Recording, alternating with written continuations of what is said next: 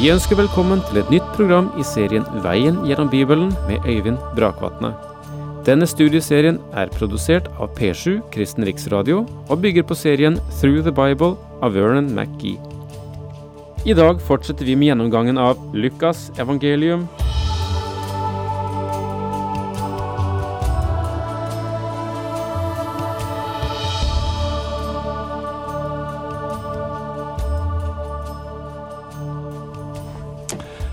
Ja, velkommen igjen til eh, et nytt skritt inn i Bibelens verden og gjennom dette rike landskap som hvert enkelt skrift egentlig utgjør i Skriftens sammenheng. Der er eh, fantastisk mange fine utsiktspunkter. Der er rike dalsenkninger. Ja, jeg blir nesten helt poetisk når jeg snakker om det og, og tenker på det. Og jeg håper at eh, dere også vil være med nå når vi vender tilbake igjen til Det nye testamentet fra å ha gått igjennom Tredje Mosebok, og stanser ved Lukas evangeliet. Lukas var den elskede legen fra Kolossene 4,14, og der står Vår kjære Lukas, legen, hilser dere, likeens Demas. Han brukte flere medisinske vendinger enn Hippokrates, medisinens far.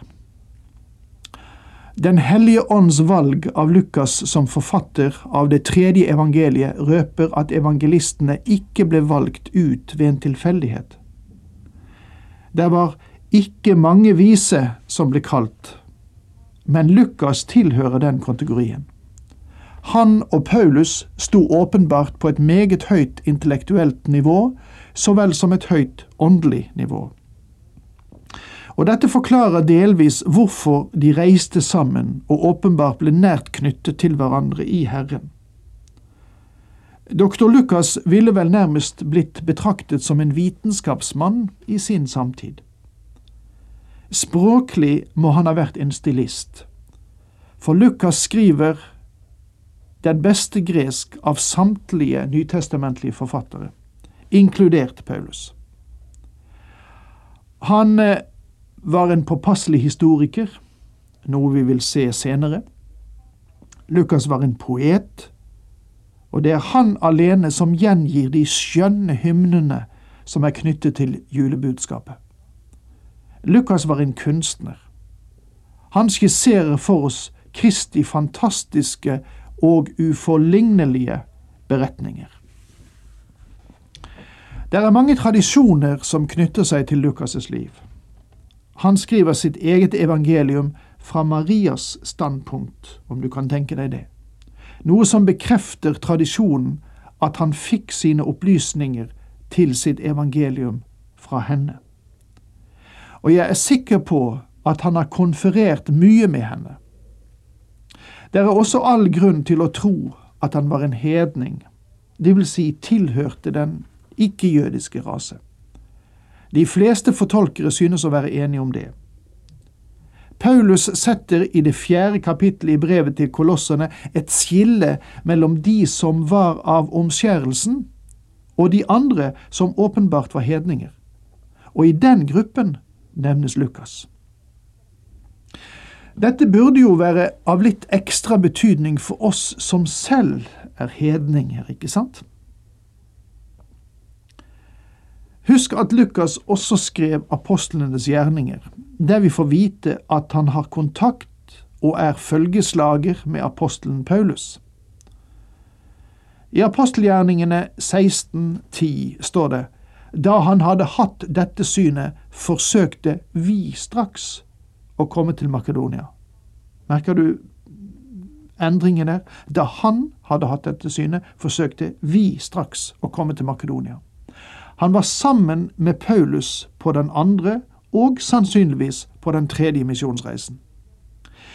Fra dette verset og videre gjennom Skriftet så skriver han i første person flertall. Det er vi-delen av apostlenes gjerninger. Før dette verset skriver han i tredje person. Så fra apostelgjerningenes kapittel 16 kan vi slutte oss til at Lukas var sammen med Paulus på denne historiske reisen over til Europa. Kanskje han selv var omvendt under Paulus, hvem vet? Og deretter drog med ham på den andre misjonsreisen, og senere reiste mye sammen med ham, helt til Paulus ble henrettet. Da Paulus skrev sin svanesang til Timotius, så sier han, Bare Lukas er hos meg. Det står i 2. Timotius 4, 11. Og alt dette forklarer hvorfor Paulus kaller ham den kjære eller elskede lege. Jesus er det andre mennesket, men den siste Adam. Det første mennesket, Adam, ble en levende sjel, men den siste Adam ble en ånd som gir liv. Det første mennesket var fra jorden og dannet av jord, det annet mennesket er fra himmelen.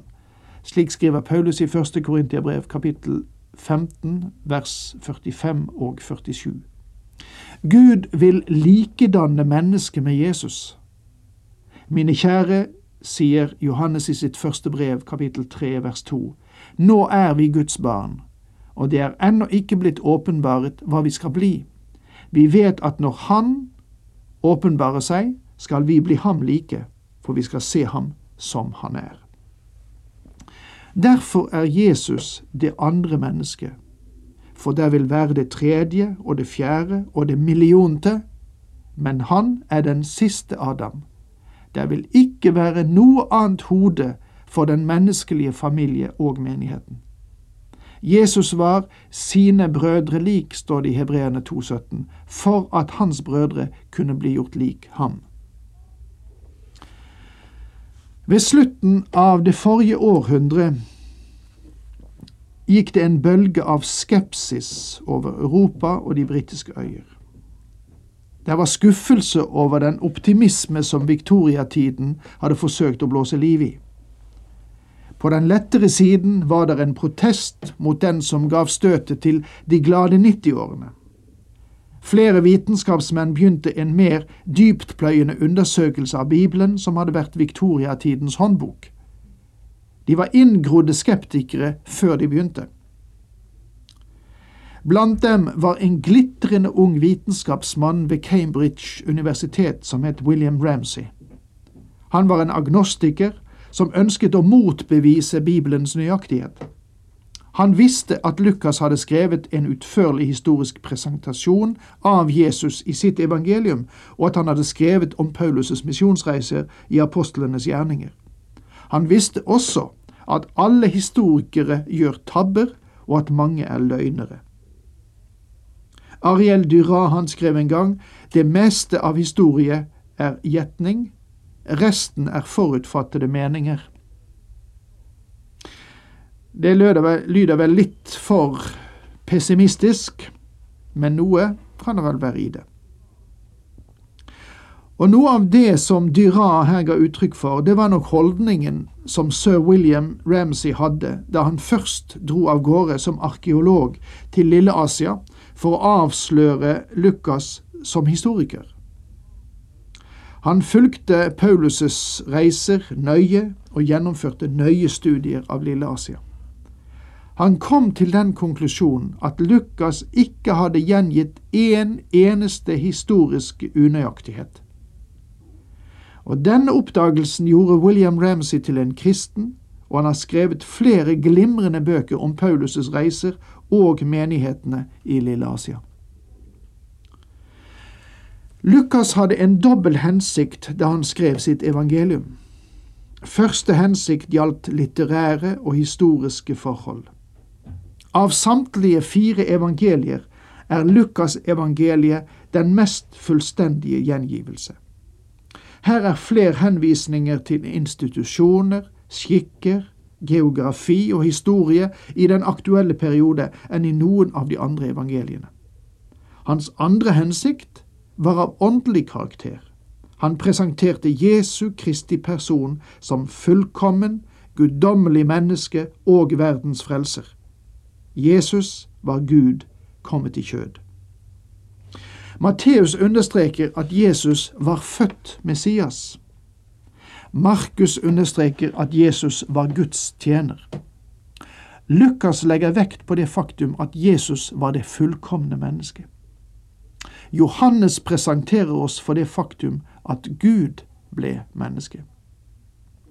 Men det er interessant å legge merke til at Johannes ikke brukte en vitenskapelig tilnærming til stoffet. Lukas gjør det klart at han har gransket denne Jesus fra Nasaret, og det han har funnet, er at Jesus er Gud. Han kom til samme konklusjon som Johannes, men hans fremgangsmåte og teknikk var forskjellig fra den Johannes anvendte. Matteus presenterer den Herre Jesus som Messias, konge og forløser.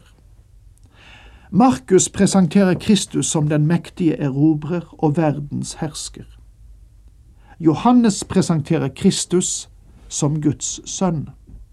Lukas presenterer den fullkomne, guddommelige Guds sønn som vår store yppersteprest, som ble beveget av følelse av våre skrøpeligheter, i stand til å gi hjelp, nåde og kjærlighet til oss alle.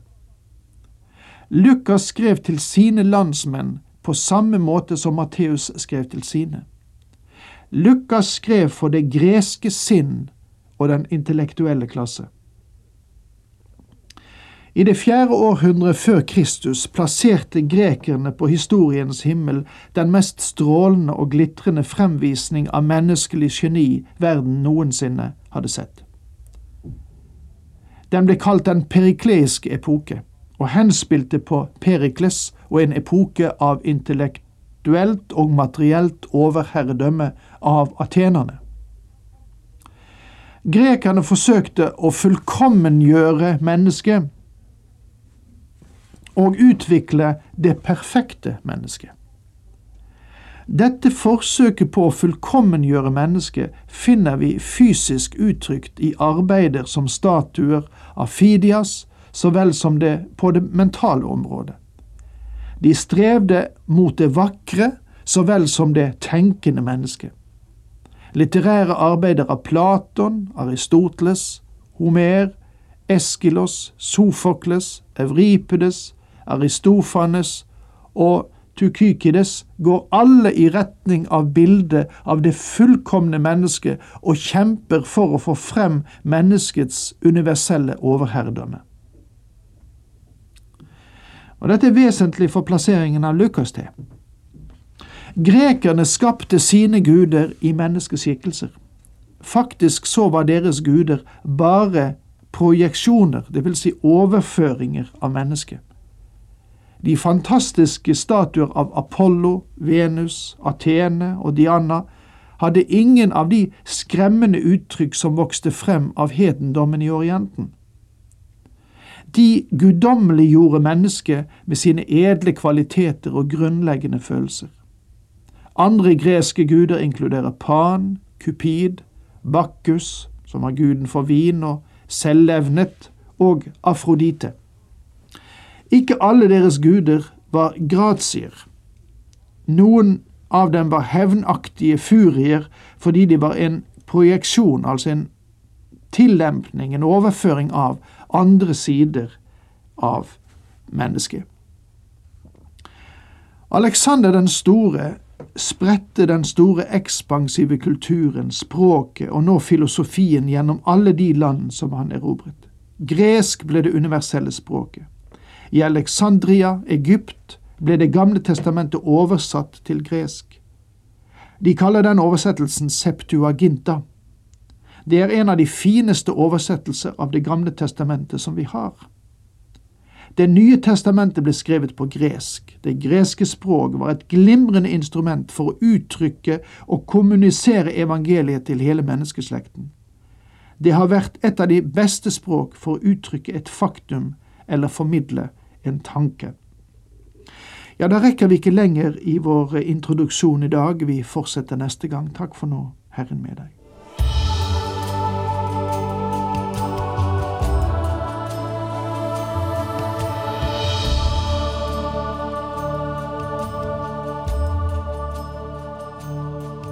Du hørte Øyvind Brakvatne i studieserien Veien gjennom Bibelen.